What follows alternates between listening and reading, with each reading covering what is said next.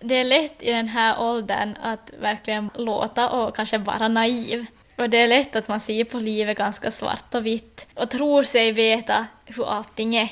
Det är lätt att avfärda alla ens åsikter till att nej, det är bara liksom, ni är barn. Men jag vet också att, att mycket av det som vi tror, det kommer inte att infinna sig, det kommer inte att vara så. Och det, och det är nog något som jag på något sätt också förstår.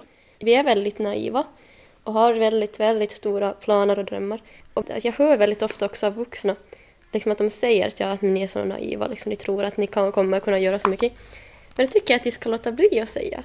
Låt oss vara det nu, för att det, är liksom, det hör ju till vår ålder. Anna Lillkung är en 16-årig flicka som bor ganska nära där var jag bor. Eftersom jag är god vän med Annas mamma har jag kunnat märka att Anna ofta på helger samlar ett varierande antal flickor runt köksbordet och där sitter de och pratar och pratar och pratar. Jag frågade Anna ifall hon kunde tänka sig att ta med ett par av sina kompisar och så skulle de alla få berätta för mig vad man som tonårsflicka i Nykarleby funderar på idag. Det är kanske lite annat än vad jag och mina kompisar funderar på när vi var tonåringar för 30 år sedan. Just det, så vi är så här naiva människor som, som inte kan någonting utan bara tror en massa dumma saker. Eh, jag heter Anna Lillkung och jag är 16 år och går på ettan i Tapelius gymnasiet. Jag heter Katarina Lindell, jag är 17 år och går också första året vid Topeliusgymnasiet. Och jag heter Lisa Palm och jag är 16 år och jag går vid Topelius gymnasium. Så det är alltså Anna, Katarina och Lisa vi ska få träffa idag.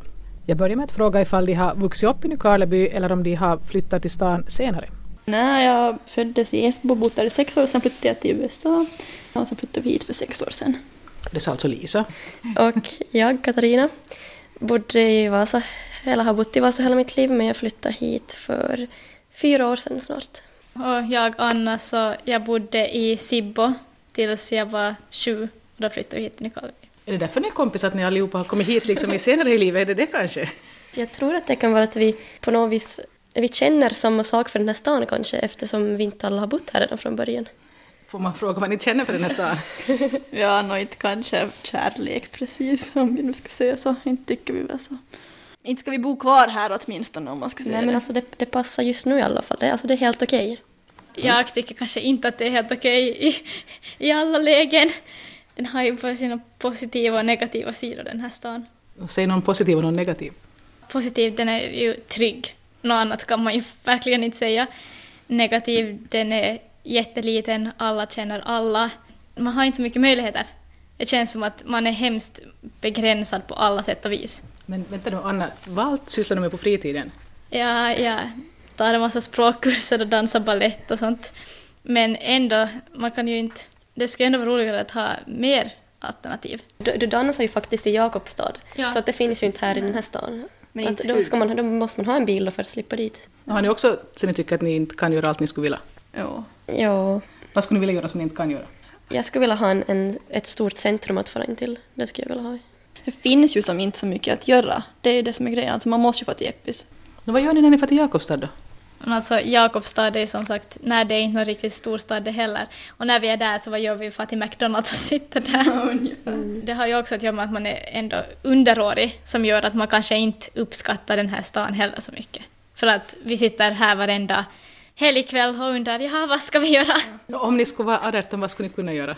Jag tror att vi skulle köra omkring väldigt mycket och sitta och höra på musik i bilen och bara liksom ha det mysigt. Nej men vi skulle nog säkert vara på krogen och sådana andra grejer. Men grejen är att man skulle kunna sticka bara härifrån liksom en helg. Fan ner någonstans och bara liksom ungefär... Ja, man skulle kunna fara på lite utflykter om Ja. man skulle ha bil. Träffa nya människor. För det är det att man känner varenda människa i den här stan. Ungefär. Skulle ni säga att ni på något vis är annorlunda då än Nykarlebyborna som har bott här hela tiden? Jo. Ja. Ni känner er konstiga? Eller annorlunda? Jag, jag, jag känner nog mig annorlunda. Ja. Jag och... Ja. Alltså vi, jag tror ändå att vi är lite så här ett gäng för sig på något vis. Ja. Som inte kanske alltid passar riktigt in med de andra riktiga Nykarlebyborna. Kanske andra människor också tycker att vi är sådär mera stora på oss om man ska säga så. Ja, Är ni det då? Nej, inte direkt, men det kan ju...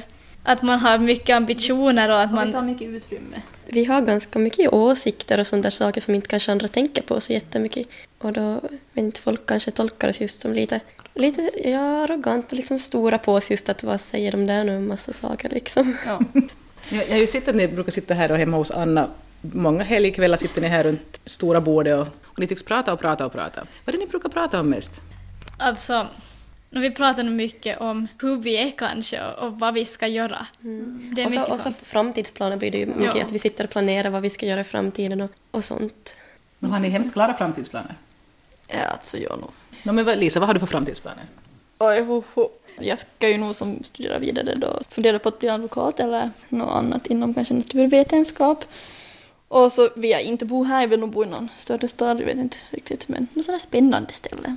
Vad är ett spännande ställe? Det finns många spännande ställen här i världen. Hmm, vad ska vi säga? Dubai är ett spännande ställe. Katarina, vad har du för... Alltså jag, har, jag tycker väldigt mycket om Sverige, så jag, jag skulle väldigt gärna vilja flytta till Sverige och studera vidare. Och då har jag en sån väldigt stor passion för kläder och konst, så jag skulle vilja bli kläddesigner. Helst en väldigt känd sådan, vilket är lite svårt. Så då har jag sån plan B, någonting inom vården. Okej, Anna?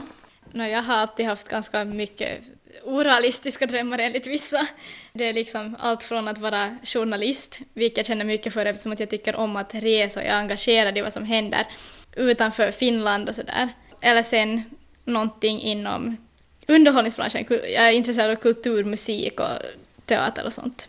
Så ni har ganska olika planer men ni är alla sådär att ni har helt klart att ni ska satsa på att komma bort härifrån och någon annanstans? Mm. Ja, sen tror jag nog ändå att det ska kunna vara helt bra att bo här som pensionär för att det är just ett tryggt och så här nära ställe, nära till allting. Att, att det tror jag helt bra ska kunna fungera men det känns lite, man känner sig lite malplacerad här på något vis. Det känns som att det är vi och pensionärer lite.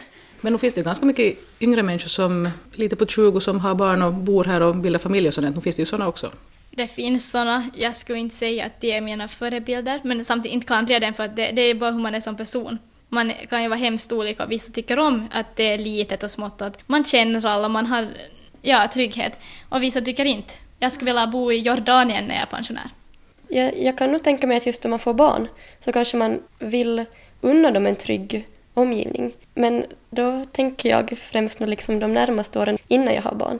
Då vill jag nog bo en bit härifrån. Då vill jag inte vara här om jag får barn, vilket om. Så det här, jag ska aldrig bo här med dem för jag, jag tycker själv inte att jag...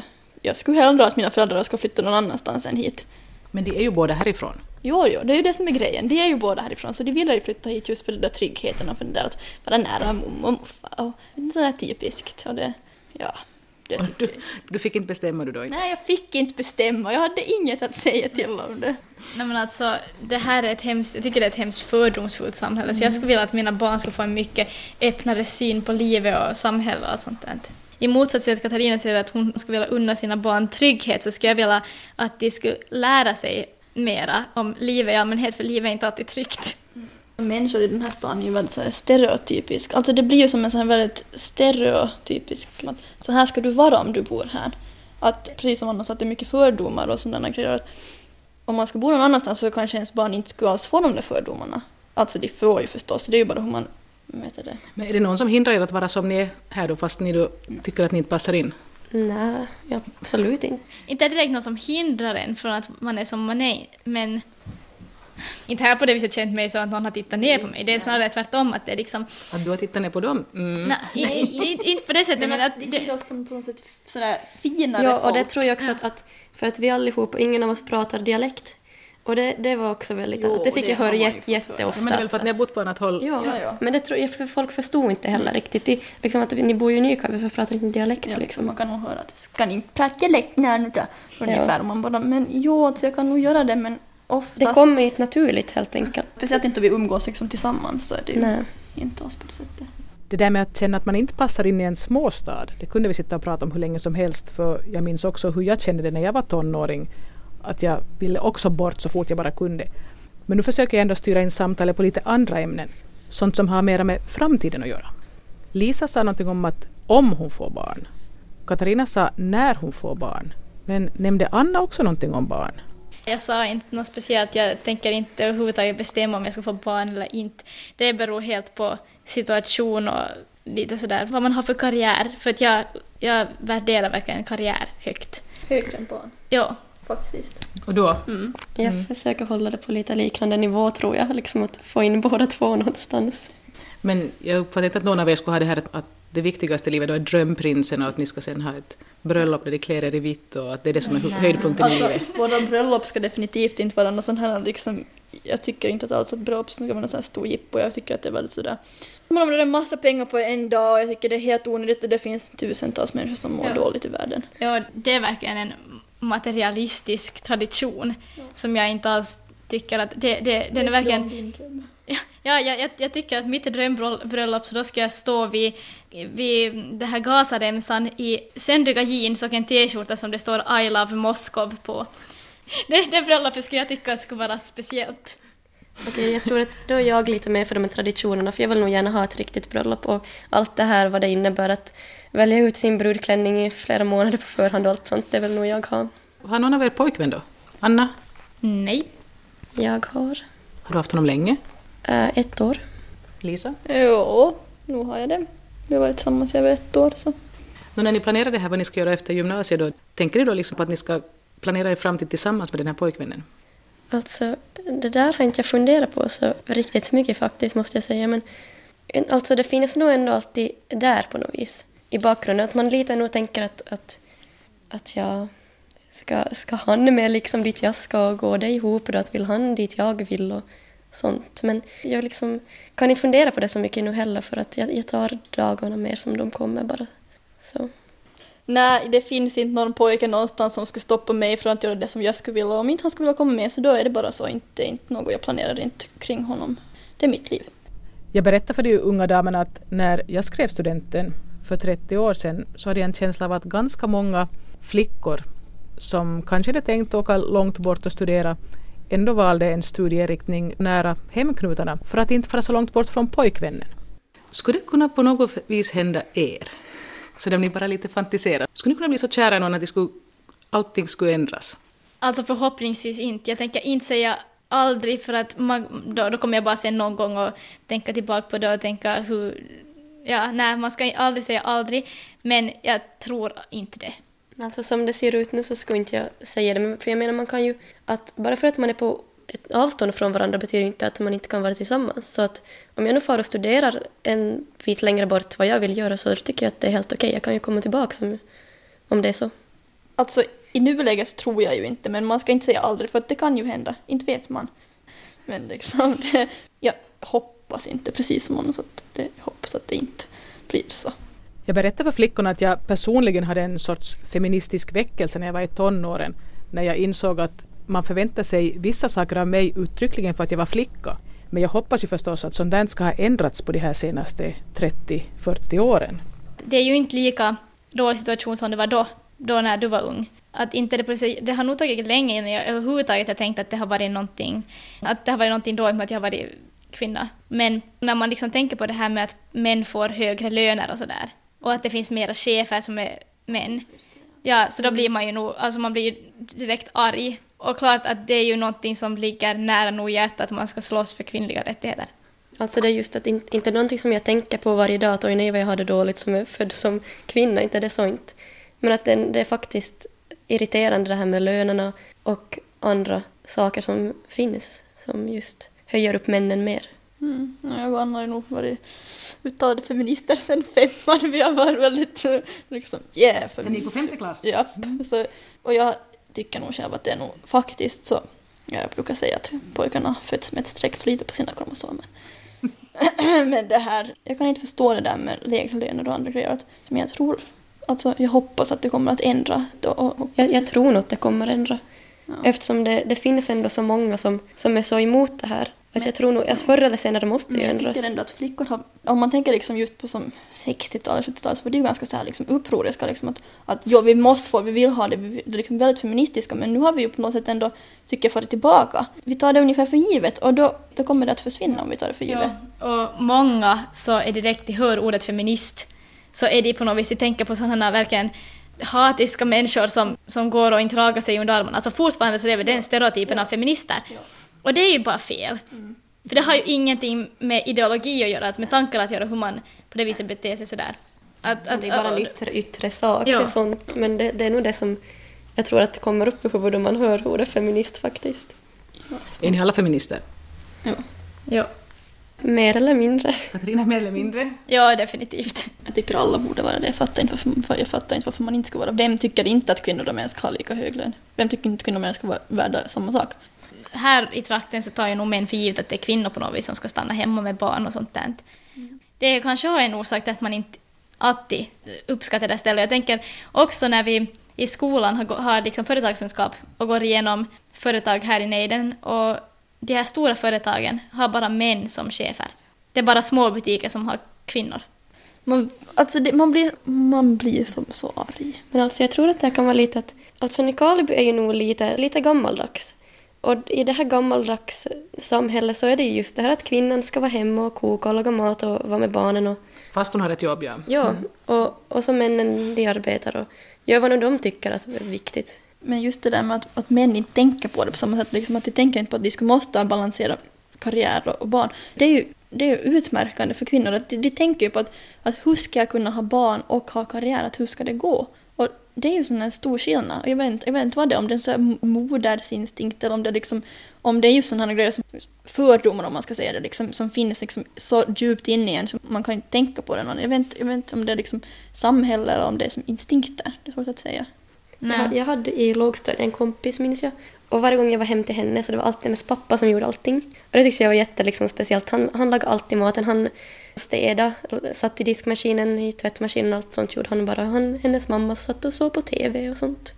Så det tyckte jag alltid var väldigt speciellt. Mm, alltså, Nykarleby är som en egen liten bubbla på det sättet att det är ännu ganska religiöst och det, det, finns mycket fördomar mot att, mot att män ska vara kvinnliga, för att, för att män ska ju vara män, inte får de ha feminina sidor på något sätt. Och så, samma sak gäller kvinnor, att de ska vara hemskt kvinnliga på det sättet. Och jag menar, homosexualitet är ju sen absolut tabu att diskutera ens. Men jag tycker ändå att det nog blivit, inte, jag tror nog ändå att det blivit bättre på det sättet också här. Att nu är det ju säkert, alltså nu är det säkert känt bara för som 20 år sedan hur det, allt sånt där.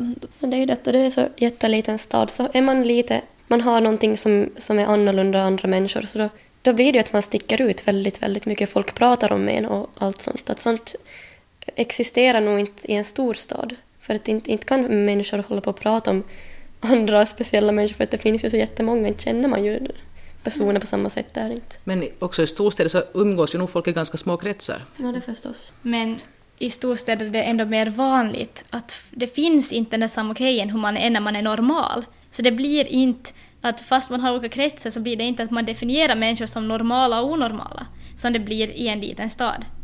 Men det finns ju nog ändå den där normala i ett större samhälle. Men, men det är ändå kanske mer utbrett normalt. Liksom att det där normala är kanske inte liksom en sån här smal grej. Nej, men det är det verkligen här alltså.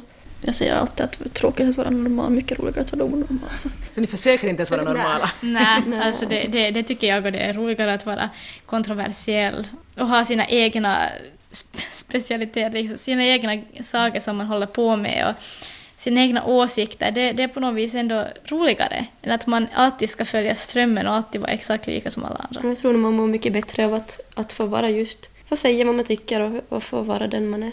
Då mår man nog som bäst. Jag frågade de här flickorna ifall de tror att det finns många som försöker vara någonting som de inte är bara för att vara normala och passa in. Ja. Det, ja, kanske, det. kanske just speciellt ungdomar. Mm. Ja. För att det är så svårt som ungdom att, att just säga vad man tycker och vara som man vill vara då det finns så många som kan just se ner på en och börja prata ja. om en och sånt. Men bryr ni er när folk pratar om er, om de pratar om er? Nej, inte egentligen. Jag kan tycka att det är bara lite lustigt sådär. Ja. Men det, alltså, det är ju klart man... Det beror ju på vad de säger. Att, att, att om de säger något som är jätteelakt så det är klart man tar åt sig men man vet ju också själv att, liksom att, att man ska inte ta åt sig sånt som man inte är. Men nu pratar ju alla i en småstad, liksom, man, man pratar ju om varandra. Skvaller kan vi kalla det, men att folk nu håller lite reda på och lägger sig i. Och, är det så farligt alla gånger fast folk lägger sig i lite då? Jo, det är just att nu pratar vi ju också själva så mm. att inte kan vi ju säga att, att andra gör fel för att vi gör ju lika mycket själv. Det, det handlar lite om hur man påstår sig att man vet sanning. Att det är en grej att man är medveten om att det är rykten och att man kanske kan säga då att ja, det här är ju bara rykten. Att, jag har ja, hört ja, det här. Men det finns ju de som också påstår sig veta att det här är sanning, så här har det här gått till. Och sen kanske det inte alltid har gått till så. Och, och då kan det leda till ett och annat och så. Mm. Tonåren är man ändå så pass osäker på sig själv också att man kan inte kanske ta det på det sättet att folk pratar illa om en. Man, man tar det med som att jaha, är det faktiskt så? Är jag liksom faktiskt på det viset? Så, så blir man ännu mer osäker. Och... Hur mycket man än försöker påstå liksom att man inte alls tar åt sig nå, som, speciellt som ungdom, så gör man det ändå. För att man, man formas ju som person under liksom den här tiden och, och man vet kanske inte riktigt hur man är själv så därför hör man ju på andra människor att säga, fråga, man frågar liksom också att, att hur är jag? Och man, om man hör något om sig själv så då, då kanske man också betänker att, att kanske jag är sådär att, att tänk om jag faktiskt liksom är sådär hemsk och då kan det ju ofta liksom men falla direkt liksom till hjärtat att usch vad hemskt. Det, det, är ju det som är grejen, att oftast så vet man ju nog om sina negativa sidor. Det, det kan ju vara jättesvårare då att, att höra att andra noterar dem. För man är ju medveten om dem själv, nog mm. oftast. Jo, det där vet jag. Alltså jag har hört flera gånger folk har sagt till mig att jag är så känslig, att jag tar åt mig så mycket om, om man liksom bara skämtar med mig. Och det där, inte vill jag ju säga att jag är känslig, men jag kanske nog är det egentligen. Och då, då börjar jag, okej, okay, nu tar jag ju åt mig liksom. Så att, ja, det har jag ju nog hört och då tar jag kanske lite illa upp, för inte tror jag att jag är så jättekänslig egentligen. När jag lyssnar på Anna, Katarina och Lisa så verkar de ha mycket bättre självförtroende och mera självsäkerhet än vad jag minns att jag hade när jag var i deras ålder. Är de faktiskt så säkra som de verkar? Eller låter det bara så? Alltså, jag vet nog ungefär hur jag är. Jag tycker inte om det jag är, ofta. Så det säger, jag, säger inte, jag säger inte att jag har en bra självkänsla på det sättet. Men jag är i alla fall medveten om vad jag har för positiva och negativa sidor. Men jag tar ju nog också jättemycket åt mig, jag tar faktiskt mycket åt mig när folk säger att, att att ja men du är ju sådär och sådär. Och, och jag, jag hör ofta att jag är odiplomatisk och andra, e- har andra egenskaper. Och det är kanske inte så jätteroligt att höra. Fast jag är medveten om att jag kan vara så. Mm, alltså jag tror ni jag är nog medveten om hur jag är. Men jag vet inte, alltså jag skulle inte heller, jag skulle inte börja ändra på det för att jag tror nog, alltså jag, jag är helt okej okay med mig själv. Liksom, inte, det är varken bu eller bä, det är liksom, det är lugnt helt enkelt. Alltså jag är nog, mm, jag har nog ändå relativt bra självförtroende på något sätt men, men det är klart att, att inte känner man ju alltid sig så bra men man, jag tror nog att vi på något sätt ändå känner, alltså känner, vet hur vi själva är ganska bra. Men inte, inte betyder det att vi älskar oss själva för det. Det är ju inte samma grej. Det är ju nog helt okej att göra det också. Nåja. Det är väl kanske det man egentligen borde lära sig. Ja. Men, men det där är också jättemycket från dag till dag tycker jag. Att vissa dagar ja. är bättre och vissa dagar är sämre. Man får bara ta dem det sämre då som de kommer. Anna och Lisa är alltså 16 år nu och Katarina har fyllt 17. Nu ber dem fundera lite på hur de tror eller hoppas att livet ska vara för dem när de är 30. Katarina svarar först. Jag skulle gärna vilja vara bosatt i Sverige, som sagt. Gärna i Stockholm. Och då jag är 30 hoppas jag att jag har fått åtminstone ett barn. Men jag vill också ha liksom min karriär på klart innan jag får barn. Och då hoppas jag att jag är kläddesigner kanske. Men om inte jag är det så har jag väl något annat yrke då, det vet jag inte riktigt. Jag kanske inom vården då, som sagt om jag tar till min plan B. Och ja, så långt vet jag nu i alla fall vad jag skulle vilja. Följande är Lisa. Ja, alltså jag har nog svårt att säga precis var jag ska befinna mig, men det här någonstans, ja kanske någon sån här större stad då. 30, då jag är inte gift, jag har inga barn. Det kan jag inte se alls. Alltså det är nog karriären som jag har satsat på då. Och helst skulle jag ju vilja ha en ganska sådär bra karriär vid 30-årsåldern, liksom att man kan verkligen bygga på den och ganska sådär bra lön och vad man nu kan förvänta sig att man har en ganska sådär, alltså nöjd. Ja. Det skulle vara trevligt att vara nöjd om man är 30. Det är ju väldigt mitt uppe i livet så att man hoppas att man har någon typ av balans ändå då, när man är 30. Det är det sista sa Katarina. Och nu följer Anna. Jag skulle gärna också ha en karriär. Och inte på det viset att jag vill ha en så statuskarriär utan mer något som jag bara själv skulle trivas med och kanske till och med kunna göra någon förändring med. Alltså inte, inte någon sån här Kofi Annan-förändring men någonting. Och jag skulle gärna ha någonting som jag skulle få resa och kanske inte måste just ha ett riktigt speciellt ställe där jag skulle vara hela tiden fast i utan jag skulle inte kunna flytta på mig och inte jag, jag, har också så här drömmar om att bo i New York eller London, men det är ju också bara sådär taget. Det är sådana klichéstäder som man alla säkert vill bo i någon gång. Jag skulle tro att vara fri när mm. man är 30. Alltså fri. För jag känner just att sådär 30-årsåldern, alltså då, då börjar man liksom ändå på något sätt kanske ha möjlighet att vara friare. För att som nu har man ju ingen möjlighet att vara fri. Sen då man blir så 20 så då har man en massa studier och man har kanske inte så mycket pengar överhuvudtaget. Men 30 så börjar man kanske på något sätt etablera en, en karriär och då kanske man på något sätt kan känna sig friare, tror jag. Ja. För det är kanske det man saknar mest, som jag saknar mest här i Nykarleby, alltså det, det är att vara en 16-årig Nykarleby. Man har, man har ingen frihet överhuvudtaget. Okej, okay, jag ska ta tillbaka det där, jag har ju mer frihet än de flesta barn i Afrika till exempel. Men man har inte kanske den sorts frihet som man eftersträvar. Nej, och därför tror jag just att vi bildar väldigt mycket sådana här stora, enorma drömmar, för att vi, vi får verkligen inte ut någonting av, no, av liksom någon typ av drömmar just nu i alla fall. Nej. Därför bildar vi liksom kanske större än vad andra 16-17-åringar gör, här i stan i alla fall. Jag tror att vi drömmer lite mer än andra Nykarleby-ungdomar. Det var, bara, det var bara Lisa som sa det här att det var viktigt med det här med pengar och sådana saker vid 30 års ålder. Hur tänker ni andra på det? Är det liksom viktigt att man också har, ja, att man blir rik? No, alltså det är ju det jag tänker just att det jag säger att jag vill bli känd kläddesigner. Just yrket kläddesigner, det bringar ju kanske inte så mycket pengar om inte man är känd just liksom att hitta någon bra firma att arbeta för eller blir väldigt framgångsrik själv. Så att det, det har ju nog med pengar att göra, att annars får jag ju inte in pengar på det. Katarina nämnde också här tidigare att hon kunde tänka sig att jobba inom vården. Så jag frågade vad hon hade tänkt sig då för yrke egentligen, för att många vårdyrken är ju inte direkt kända för att vara så där fruktansvärt inkomstbringande. Då tar jag det nog lite enklare, då tänker jag nog kanske, kanske sjukvårdare, någonting sånt liknande. Och då kan jag inte tro att pengar är det absolut viktigaste Nej, då, för dig? Nej, det är ju inte, utan då är det nog mer att alltså jag, jag sommararbetar på ett sjukhus här i stan då, på bäddavdelningen, så att då blev jag väldigt intresserad av det helt enkelt. Och det är nog mer det där intresset som skulle driva mig att bli det. Ja, men alltså det där är ju... Man kan, det är att ljuga att säga att man inte tycker att pengar är viktigt. Och nu vill man ju ha någon sorts ordentlig ekonomi. Men det där, jag har samma sådär som Katarina, att det växer det där jättemycket med att man, jag skulle vilja vara någon journalist och kanske arbeta för FN och i så fall inte kanske ha så jättemycket pengar till att jag skulle vilja vara sångare, eh, sångare eller skådis och i så fall vara ganska känd och, och framgångsrik på det sättet. Det är hemskt sådär att delvis vill man ha det, delvis så arbetar jag också emot att bli alldeles för materialistisk. Mm. Det känns liksom sådär att, att, att man inte skulle ha fötterna på jorden om man blir någon sån här just skådis, ja alltså känd på något vis. Då känns det som att man inte riktigt har fötterna på jorden och det kanske man ändå vill känna att man har, eller kommer att ha.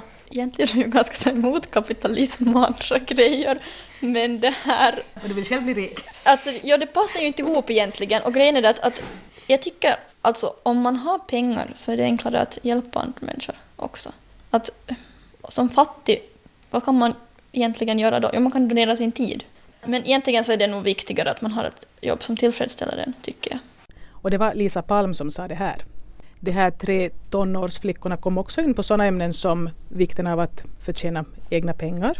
Och jag tycker inte att man ska bara få pengar, det tycker jag inte. Man tycker att man ska förtjäna sina pengar. Vi kom in på det här med hela världens framtid.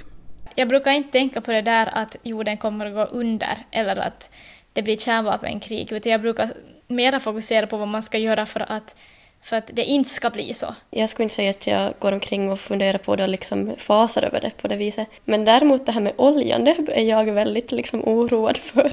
Men det kanske har med att göra att, att man snart själv ska få bil och sådana saker. Så blir man nej, men nej, nu jag väntar liksom i hur länge som helst kommer inte få köra bil om oljan tar slut och liksom sånt där. Människor är som så extremt egoistiska. Vi, vi, kan inte, vi kan inte bry oss om att den där andra människan där liksom mår så dåligt utan det, liksom, det handlar på något sätt om hur vi mår. Och så diskuterar vi också det här med religion och tro. Jag tror på Gud, jag tror på Bibeln nu. Och jag, jag tror inte på religion, jag, jag tror absolut inte något av det som står i Bibeln. Jag tycker att det är bara en massa bullshit. Förr trodde man på asagudarna. Nu skrattar folk åt det. Men då var de mycket säkra på att det fanns. Vi kom faktiskt till och med in på det här med döden. Ja men då, då är jag mm. Död. Då blir, jag till, då blir jag tillbaka till det ja. som jag var. Det, det, det Massa atomer och molekyler och liksom that's it. Ni båda är väldigt naturvetenskapliga människor. Jag är överhuvudtaget inte alls en naturvetenskaplig människa. Så eftersom så många ämnen inte rymdes med i det här programmet så kommer ni att få höra Anna Lillkung, Katarina Lindell och Lisa Palm också i det samtal om livet som sänds om två veckor, det vill säga den 18 och 19 april.